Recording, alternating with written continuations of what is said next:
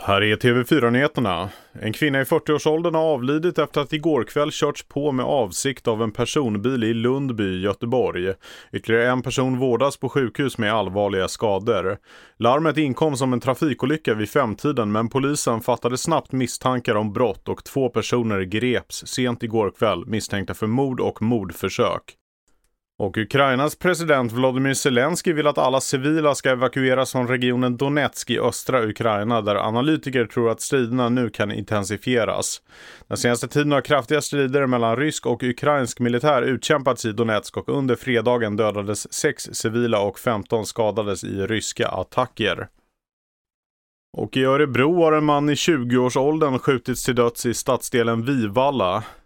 Ingen person har ännu gripits för det misstänkta mordet. Polisen larmades om skjutningen i Vivalla vid 22-tiden på lördagskvällen och inledde en stor insats i området. Och i Frankrike har larmet gått om att den populära Dijon-senapen är slut. Butikshyllor gapar tomma och på många restauranger har smaktillsättaren tagits bort från menyn. Samtidigt som priset gått upp med 13 procent.